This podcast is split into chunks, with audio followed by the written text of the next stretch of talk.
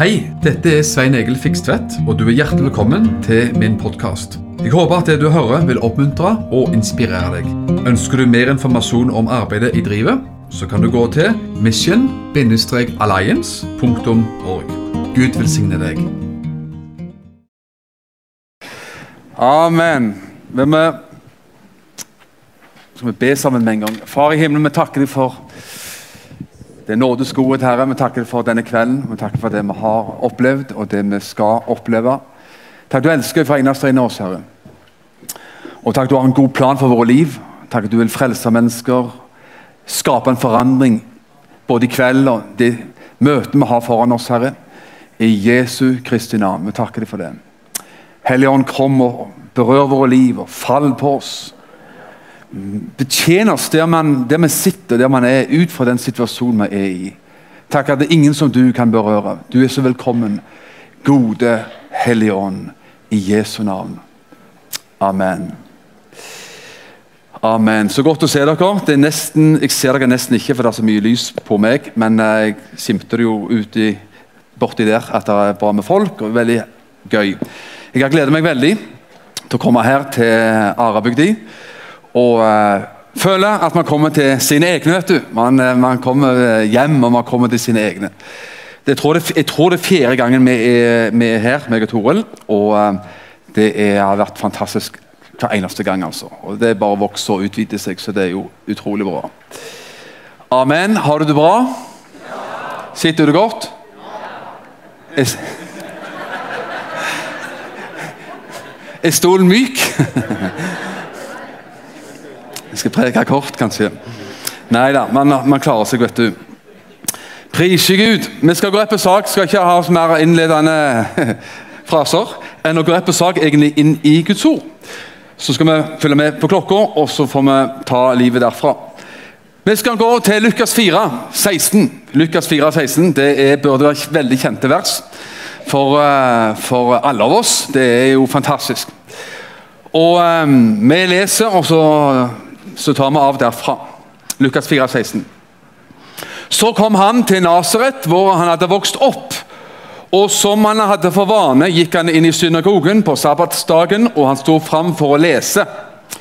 De ga ham profeten Jesajas bok, og da han hadde åpnet boken, fant han stedet hvor det, stod, hvor det var skrevet. Herrens nå over meg, for han har salvet meg til å forkynne evangeliet for de fattige.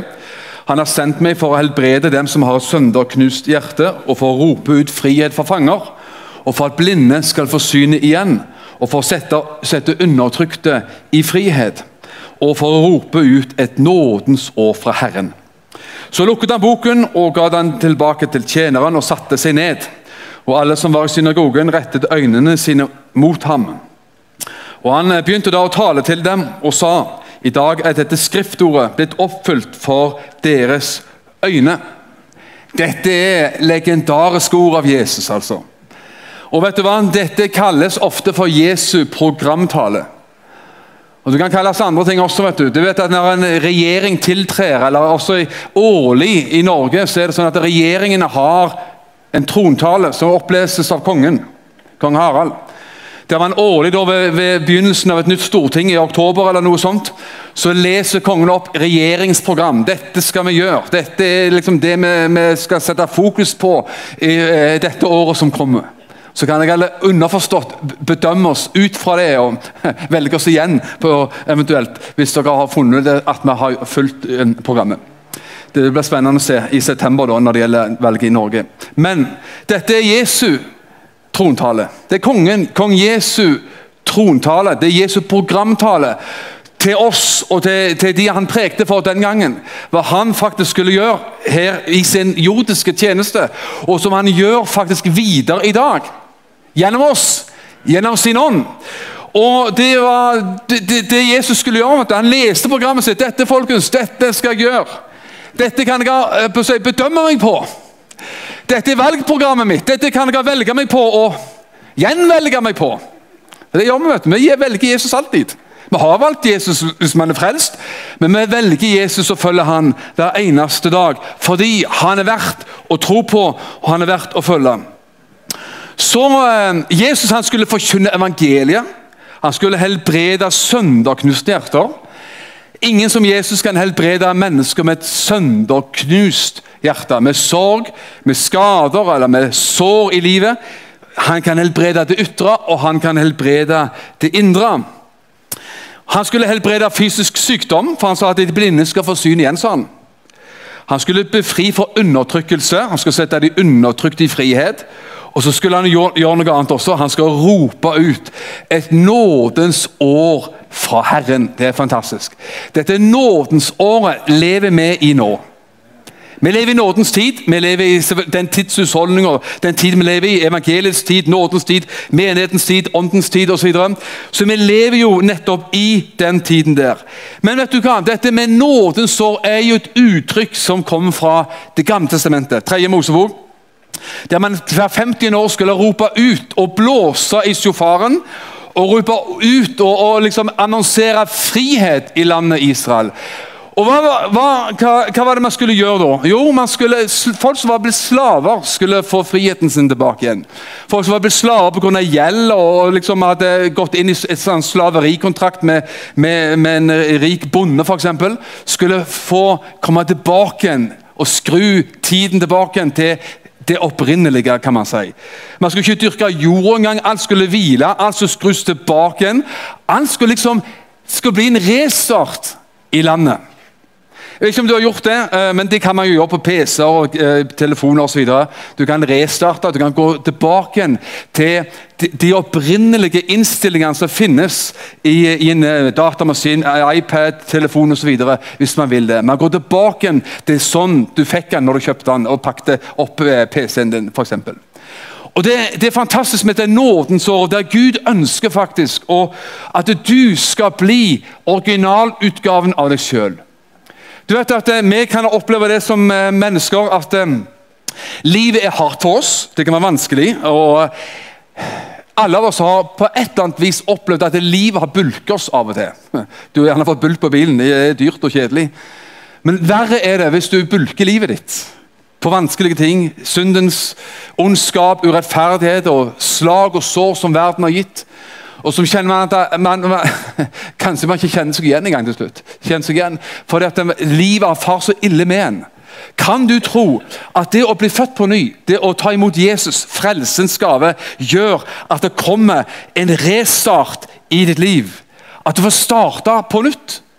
En ny start i livet. Og at du ved å bli frelst kan oppleve at Gud gjerne sakte, men sikkert, som en prosess, er med og knar deg og meg tilbake til den originalutgaven som Gud ville at du skulle være. Der bulking, og der sår og slag og elendighet som har kommet på livet, får lov til å bli gjenoppretta. Det er fantastisk. jeg må si det. Er det noe jeg elsker i mitt liv, altså, og så er det å se høre, både se og møte og høre om mennesker som har blitt gjenoppretta i sitt liv. Altså. Det er alltid sterkt. Mennesker som har møtt Gud, og, og eh, som man ser bare har blitt forvandla av Guds herlighet, av Guds kjærlighet, av Guds nåde og av Guds kraft. Det er bare, det tror jeg både du og meg er veldig svak for. Og jeg må si det, Man har møtt mennesker både i Norge og i andre land som har blitt så radikalt sprøtt forandra at det, det, er bare Gud som kan gjøre det. Jeg kjenner en kar, eller har møtt en kar og, uh, gjennom en tjeneste som jeg kjenner fra India.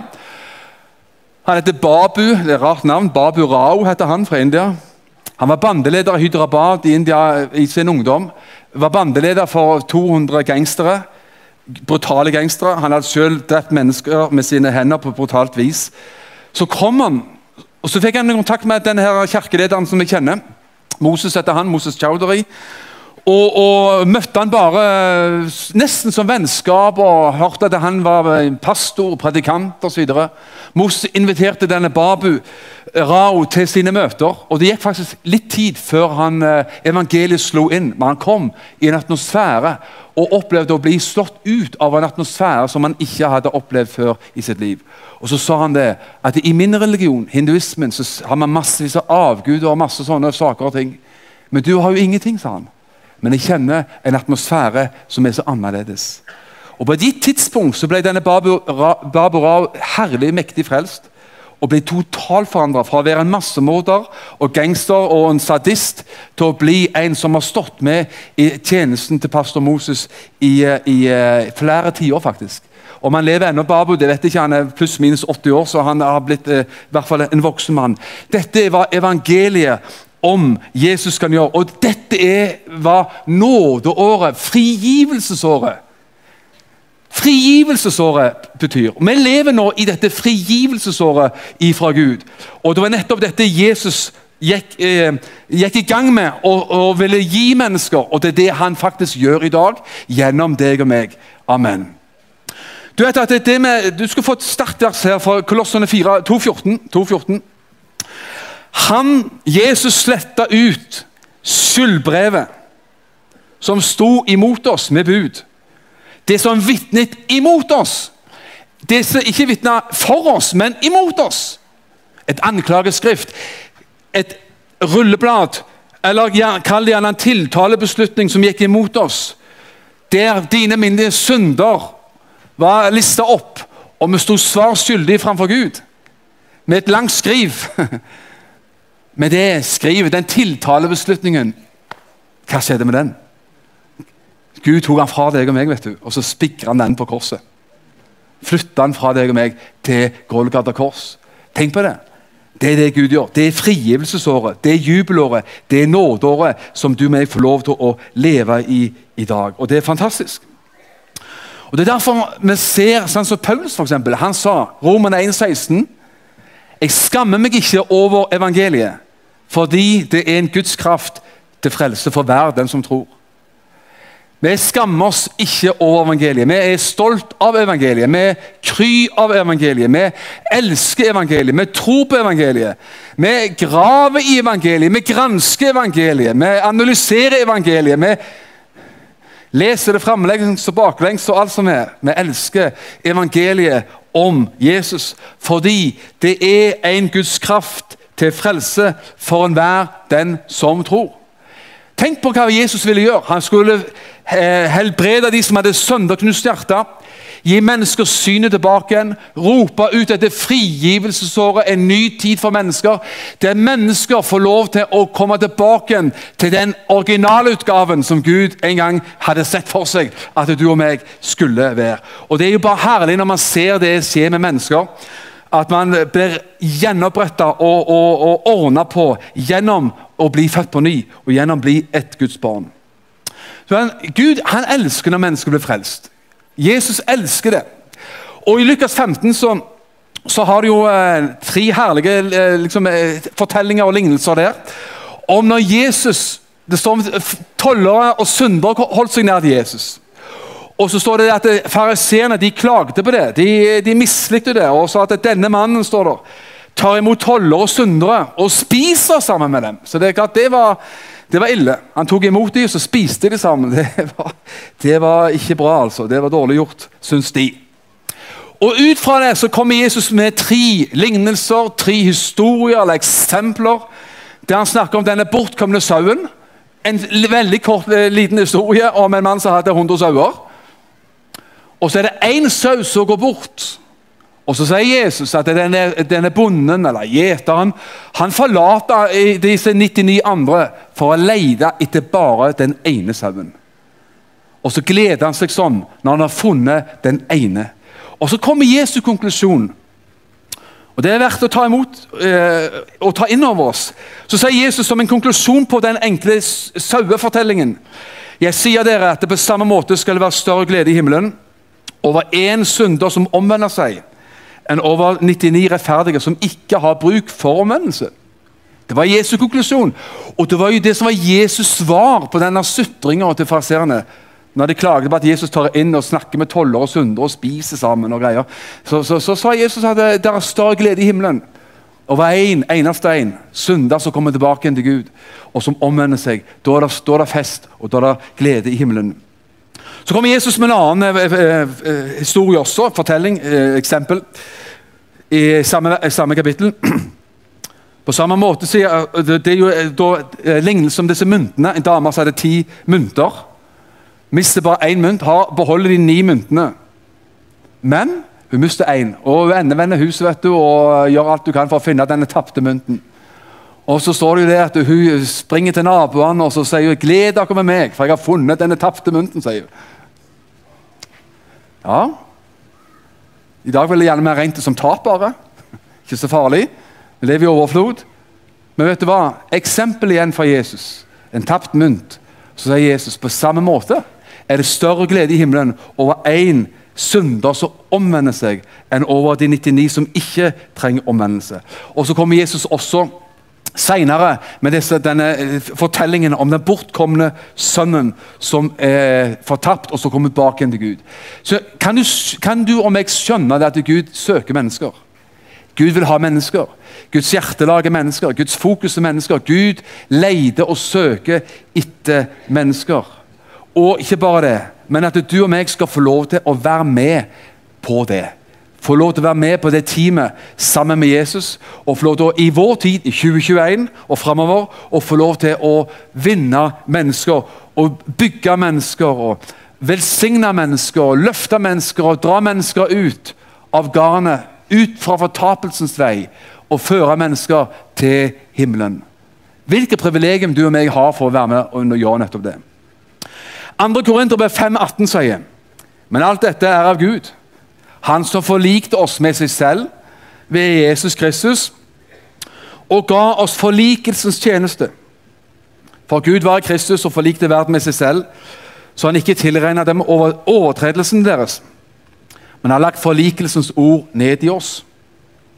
Så står vi da i en sendetjeneste på Kristi vegne, som han Gud selv inderlig formaner ved oss vi ber dere på Kristi vegne, la dere forsone med Gud. La dere forlike med Gud. Her står det veldig fantastiske vers. At Gud har forlikt, har forsont verden med seg sjøl gjennom Jesus død, Jesu død på korset. Det er gjort for 2000 år siden ca. Men hva skjer etterpå? Jo, Gud, han, Gud taler gjennom oss. Gud maner gjennom oss. Ordet om forsoningen fins i oss. Og Gud taler fremdeles på hvilken måte? Gjennom oss. Og sier til mennesker bli forsont med Gud. Bli forlikt med Gud. Få kontakt med Gud. Bli tilgitt av Gud. Slå inn på himmelveien osv. Gi Jesus en sjanse i livet osv. Overgi ditt liv til Han. Du tenker kanskje at det er jo bare liksom, det er bare en evangelist som holder på med det. Det er litt typisk evangelisten. Ja, men hva det står her? De som har blitt forlikt med Gud, har forlikelsens tjeneste. Det er ikke bare evangelisten som har forlikelsens tjeneste. Hvor mange Er det, er det noen som er forsont med Gud her i dag, tro? Syns jeg ser noen hender ute i det mørket her. Ja. Hvis du er forsont med Gud, så har forsoningens vitnesbyrd, forsoningens ord, det lever og er installert i ditt liv.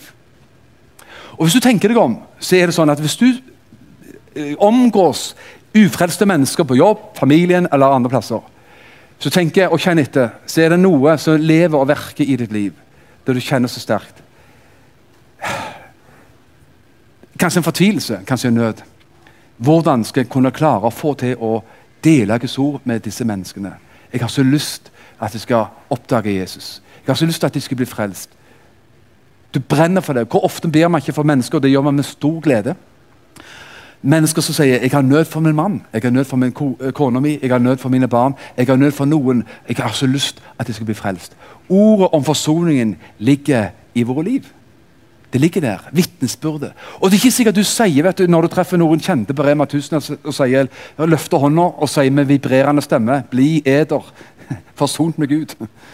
Det er kanskje litt sånn eh, eh religiøs måte å si det på. Men det, det der vitnesbyrdet, dette ordet om forsoningen, har du lyst til, og jeg lyst til, skal bringes ut til mennesker.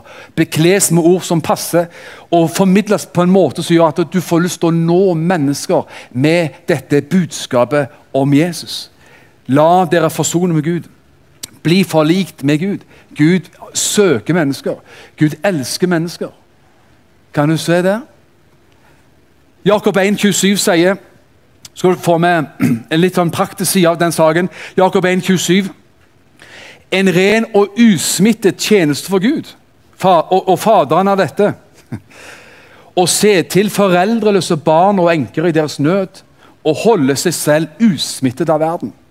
Det var Jakobs så, uh, definisjon på gudstjeneste. Tjeneste for Gud. To ting. Lev rett med Gud. Hold deg usmittet av verden. Hold deg sjøl på, på, veien, rett og slett. Og se til mennesker i deres nød. Fysisk nød og materiell nød, men selvfølgelig også, ikke minst, um, den nød som det er å ikke kjenne Gud og være forsont med Gud. At man har tatt imot Jesus som sin Herre og Frelser. Vet du hva? Jesu programtale gjelder deg og meg i dag.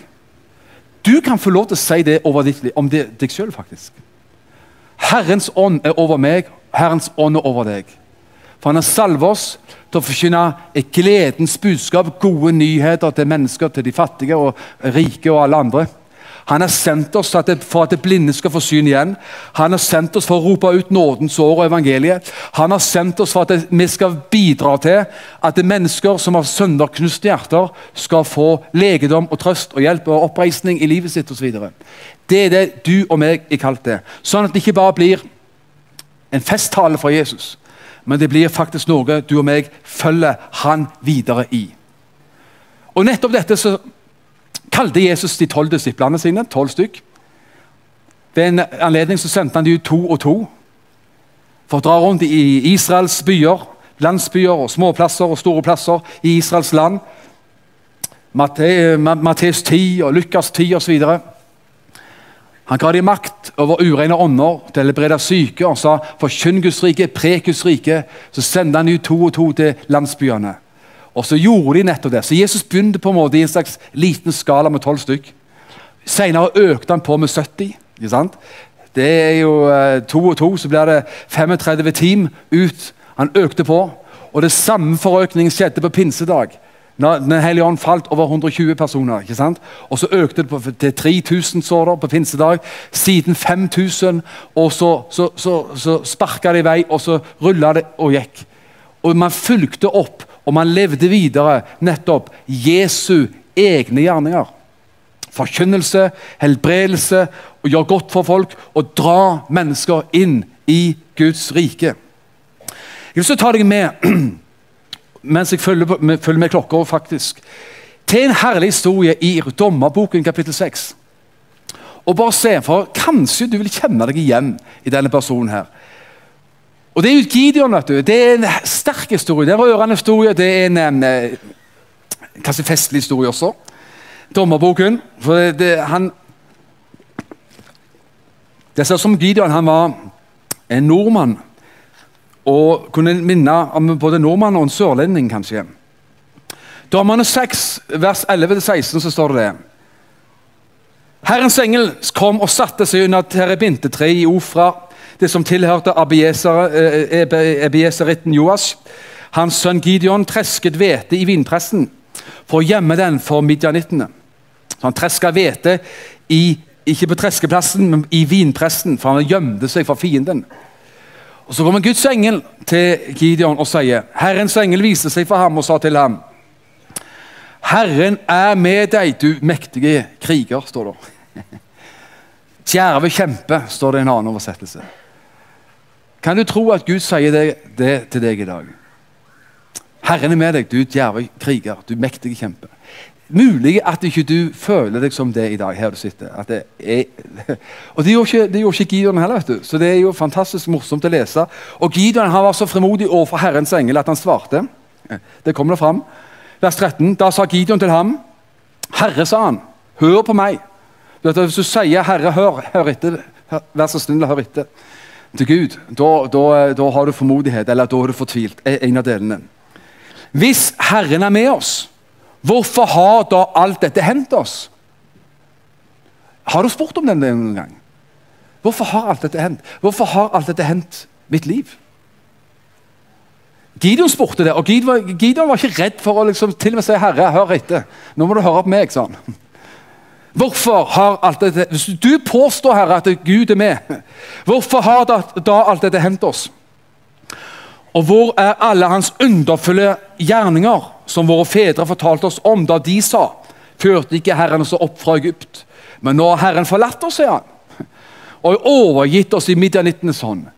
Vet du hva? Midjanitten herja og bølla i Israels land. De underkua israelittene, Guds folk. Og, og eh, Gideon var helt opp, og folk også var helt opp med ryggen opp til veggen. Han gjemte seg i vinpressene og, og, og treska hveten der.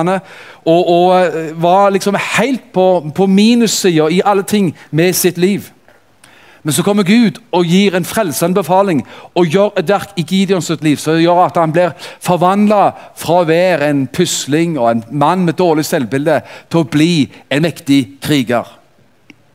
Og Det er det Gud kaller deg vet du, og meg i dag. Og vet du hva? Gud har mye større tro enn det du og meg har. Han har større tro på oss enn det du og meg har.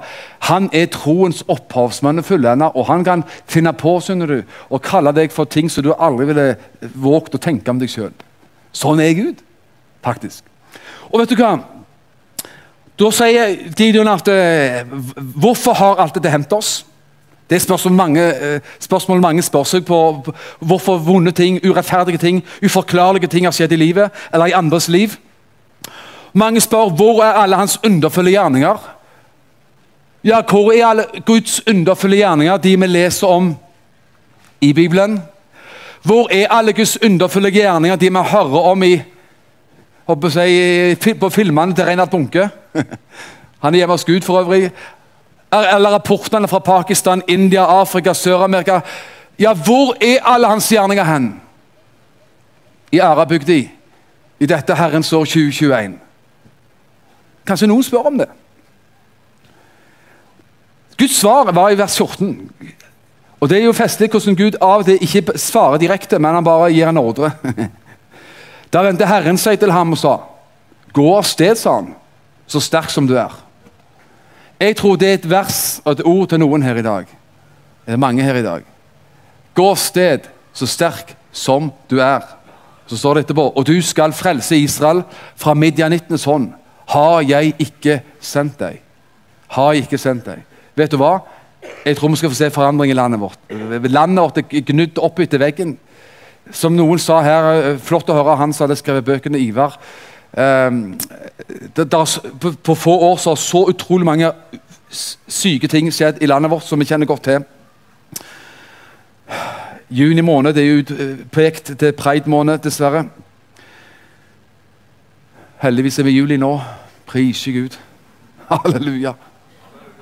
Amen. Juni over. Jeg har bursdag i juni. Søren òg. Herren sa til ham Gå av sted, så sterk som du er. Og du skal frelse midjanittene. Har jeg ikke sendt deg? Men Gideon gir seg ikke. Gideon er akkurat så treig som du er. Ikke, jeg snakker om meg, jeg snakker om deg. Husk det. Da sa vers 15 altså, da sa han til ham Å, min herre, hvordan skal jeg? Hvordan skal jeg frelse Israel? Snakker du til meg? Har du ukalt meg? Eller kanskje han så seg bak og tenkte er det en annen kar han snakker til? Snakker du til meg? Etter alt han har klart på Gud. Hvor er alle hans gjerninger? Hvorfor alt dette hender? Han var deppa. Og så sier han, snakker du til meg? Min ett er den svakeste i Manasseh, og jeg er den ringeste i min fars hus. Skjønner Jeg er den nederste av den nederste.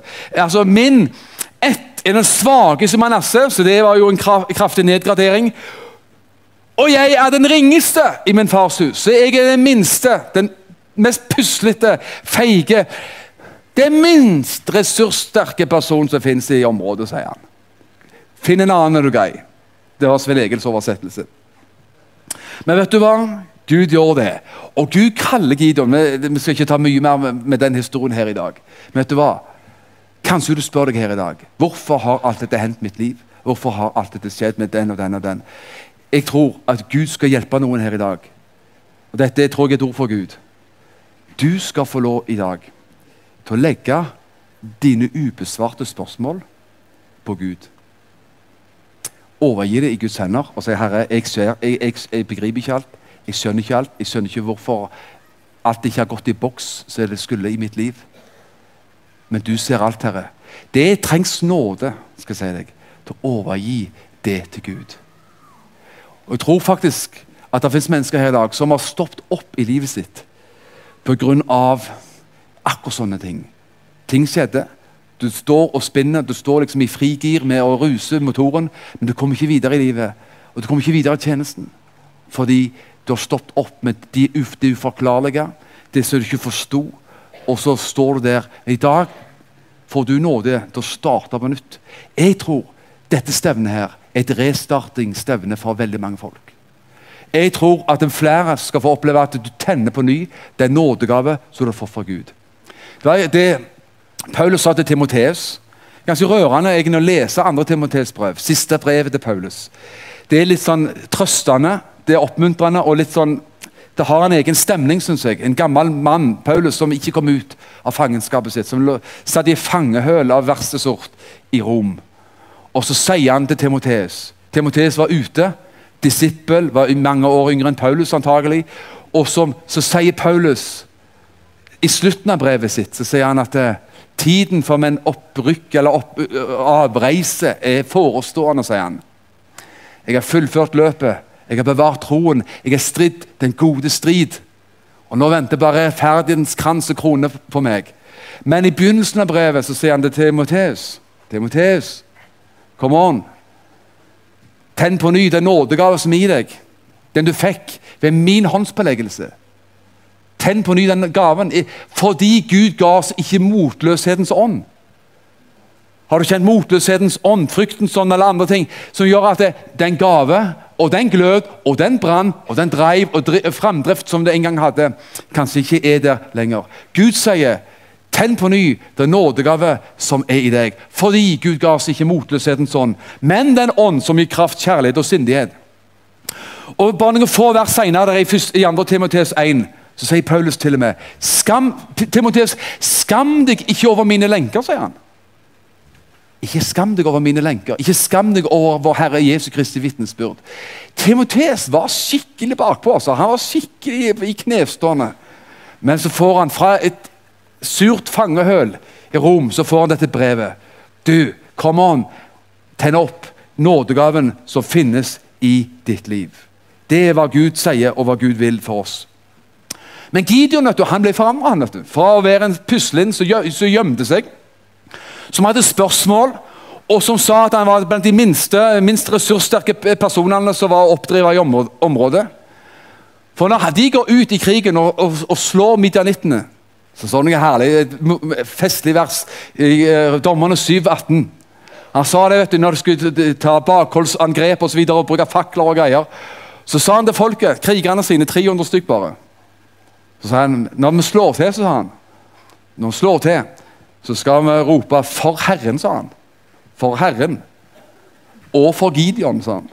Så Da var, da var selvbildet gikk opp et lite hakk. liksom. For å være deppa til å si at Vi roper ut skikkelig herskrik og herrop for Herren og for Gideon. Så han, han måtte være med på liksom, æren, han også.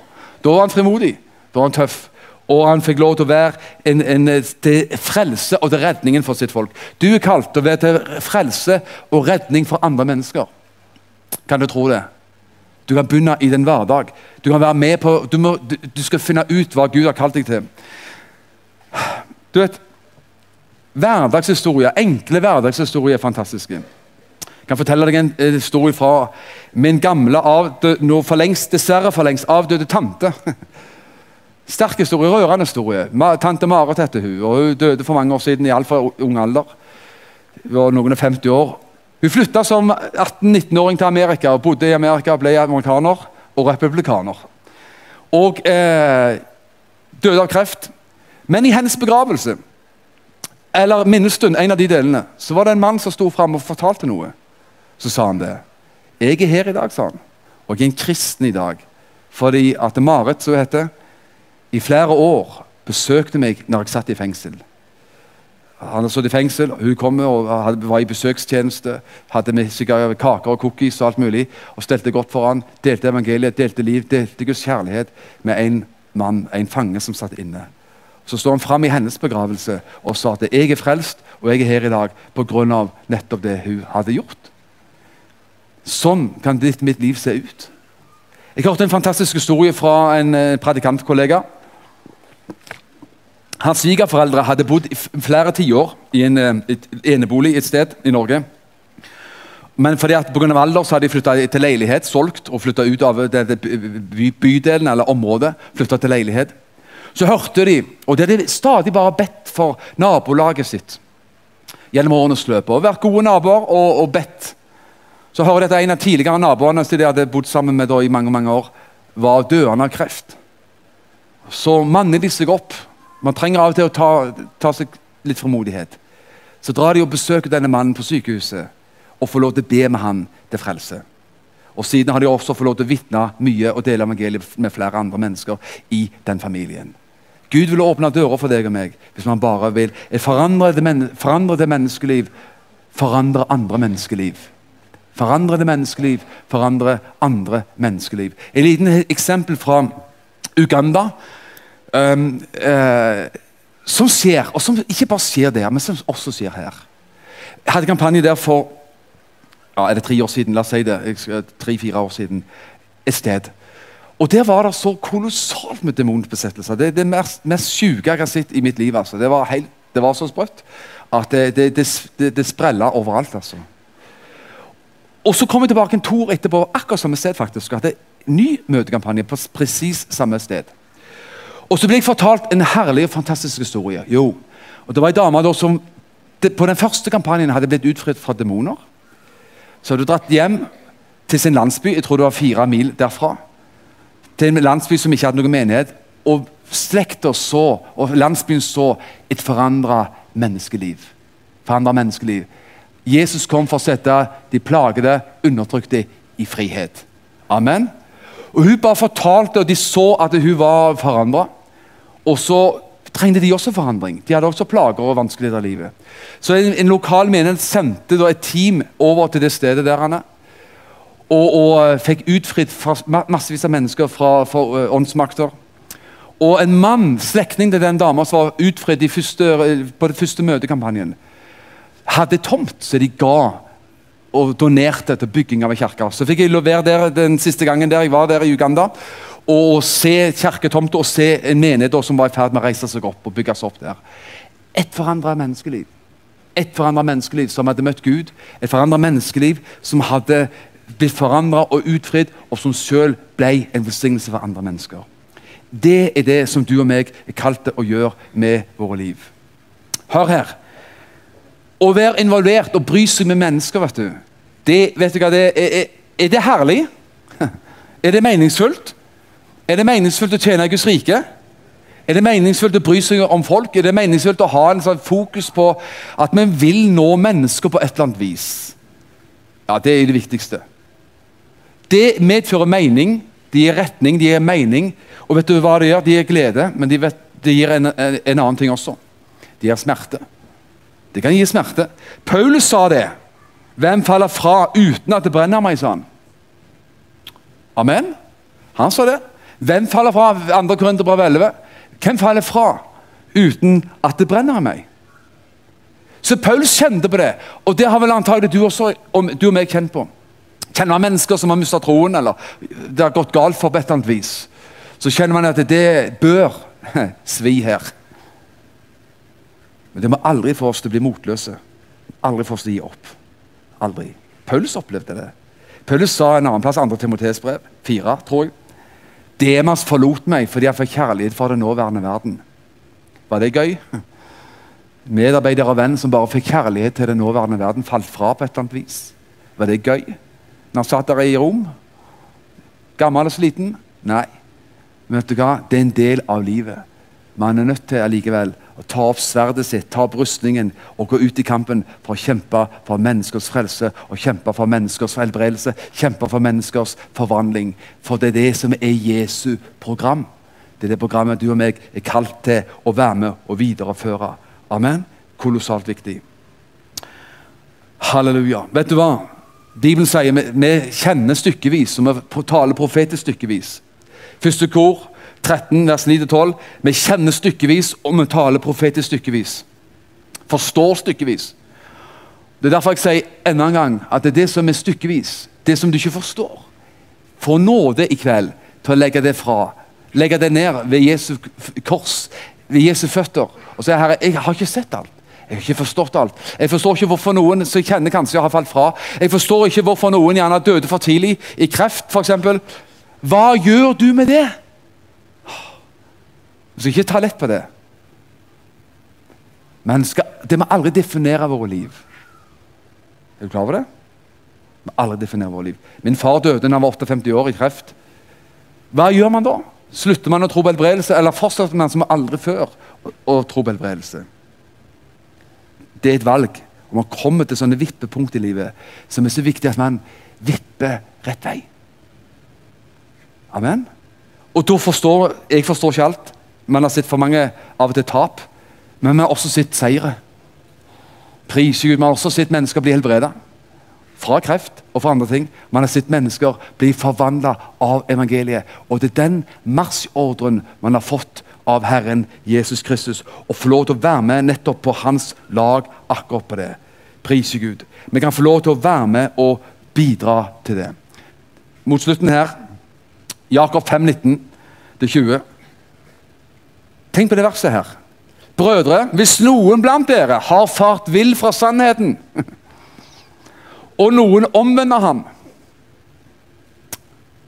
Har du lyst til å være med på det? Kjenner du noen som har blitt fart vill fra sannheten? Kjenner altfor mange. Og noen omvender ham, så skal han vite at hver den som omvender en synder fra hans villfarelsesvei, han frelser hans sjel fra døden og dekker over en mengde synder. Det er businessen, det er tjenesten, det er fokuset, det er livet som du og meg er kalt å gjøre. Mennesker som har, fart, har blitt fart vill fra sannheten, eller som aldri heller har kjent sannheten. Det kan være begge deler. Folk som har mista frelsen, eller folk som aldri har vært frelst. Uansett så trenger man frelsen. Uansett så trenger man å komme tilbake til Gud. ikke det er herlig å få lov til å være med på det? At den som omvender en synder fra hans villfarelsesvei, han frelser sin sjel fra døden og dekker over en mengde synder.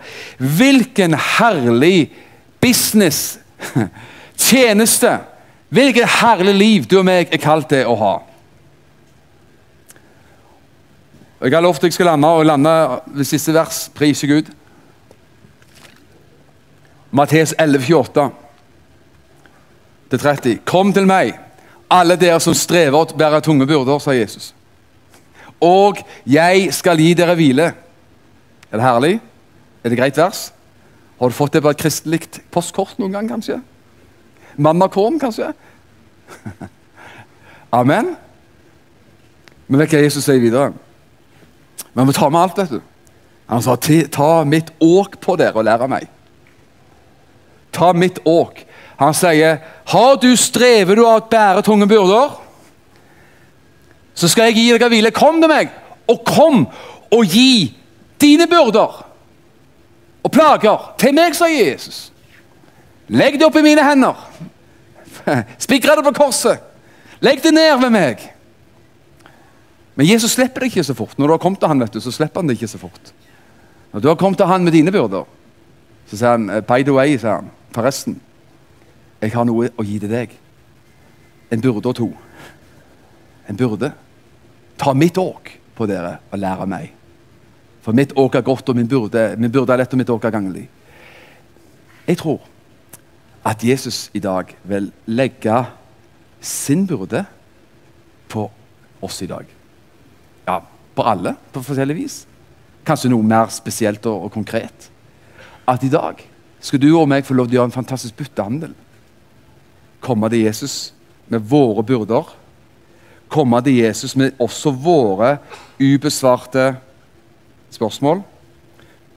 Hvis du kjenner hvor har det blitt av alle hans gjerninger, og hvorfor alt dette hendte oss, som Gideon sa Det er ikke alltid Gud svarer på sånne spørsmål. av en eller merkelig grunn. Han sier bare 'dra av sted', sier han. Stikk, kjør på. Det er det han vil at du skal gjøre i dag, og jeg skal gjøre i dag. Vi kan komme til han med våre ting, legge det ved han. Så legger han også sin byrde på oss. Og hans byrde er god. Hans åk er godt og ganglig. Og Så sa Jesus til slutt Og dere skal finne hvile for deres sjeler, sa han. Halleluja. Du får ikke noen ordentlig god lykke i livet før du har tatt på deg Jesu åk. Jesu byrde, Jesu kall. Det skal ikke være litt, likt mitt kall, Inges kall eller andres kall. Det skal være det kallet og den burde. Det åk. Det kall, det, det, det, som Gud legger på ditt hjerte og på dine skuldre, for det er det rette åket for deg. Og vet du hva? Da vil du bli en lykkelig person. Klagesangene 3.27 sier det er godt for en mann å bære åk i sin ungdom. Herlig ord. Det er godt, ikke det er fint ord på et ungdomsmøte, tror du. Det, da, blir, da, slår det gjennom. Det er godt for en, godt for en mann, mann, å bære åk i sin ungdom. Yeah, skikkelig tøft. Han skal sitte alene og være stille når det er Herren som har lagt det på ham. Halleluja. Jeg tror på deg. I sin ungdom, i sin alderdom. At man kan kjenne at man ber åk for Gud det er også han har kalt. Ikke det òg mennesker har gitt oss, ikke det også, han, også folk har lagt på oss av forskjellig, uh, forskjellig uh, kaliber, men det er òg som Gud har lagt på våre liv. I Jesu Kristi dyrebare navn. Kan jeg få lov til å bare lese opp noen få ting som jeg har skrevet ned, som jeg tror er fra Herren? Så Jeg har sagt noe av det, av det allerede. Vi skal legge byrder i kveld. Du skal få la, la, lov til å legge av dine byrder, også de hvorfor-byrdene. Hvorfor har dette hendt? legge av og si at jeg er klar til å tjene Gud. Jeg er klar til å tjene høstens herre. Jeg er klar til å virke på den måten Gud vil jeg skal virke. Det være seg det ene eller det andre. Stort eller smått. Såkalt åndelig, såkalt praktisk. Eller en såkalt eh, salig blanding av alt dette her. Legge byrder og ta imot byrder så han legger på ditt liv. Jeg håper det både i kveld og disse andre møtene her, at du skal kjenne at Gud meddeler ting i ditt liv som gjør at du drar ned herfra og kjenner at det, Gud har lagt ting på ditt hjerte. Amen. Jeg tror at mennesker i skal, jeg har kalt det for skrevet opp, du skal få lov til å legge av dine sorgeklær i kveld. Av sorg, av skuffelse, kanskje av bitterhet, kanskje av utilgivelighet. Legge det av. Legge av sorgeklær og ta på lovprisningsdrakt i stedet for. Få av disse grå, triste, mørke sorgeklærne og kjenne at du blir ikledd lovprisningsdrakt i dag i Jesu Kristi navn. En ting til. Jeg tror det er en mann her som er i 60-årene. En mann i 60-årene. Og du, så er du her fordi at du er snill med ektefellen din. Du er her på et kristent møte fordi, og flere av sikkert andre kristne møter fordi at du er snill med ektefellen din. Men du vet at du, du har ikke noe åndelig liv, åndelig gjennombrudd. Du føler at dette med det opplegget her er du, du føler du står på utsiden og kikker inn som, en, som fra en tribune. Og du føler at det ikke er noe åndelig liv, åndelig gjennombrudd i ditt liv. Og jeg er sikker på at Jesus kaller deg i dag, en mann i 60-årene som, som, jeg beskriver her nå, at du skal overgi ditt liv til Jesus. Enkelt må vi overgi. Enkelt kapitulere og si 'Jesus, det er deg jeg vil ha'. Det er det jeg vil ha. Jeg vil ikke bare gå inn og ut på, på den kristne møter for å, for å være snill og grei med min ektefelle, men jeg vil ha jeg vil ha deg i mitt liv. I Jesu navn. Takk for at du har lytta til denne podkasten. Jeg ønsker deg en velsigna god dag.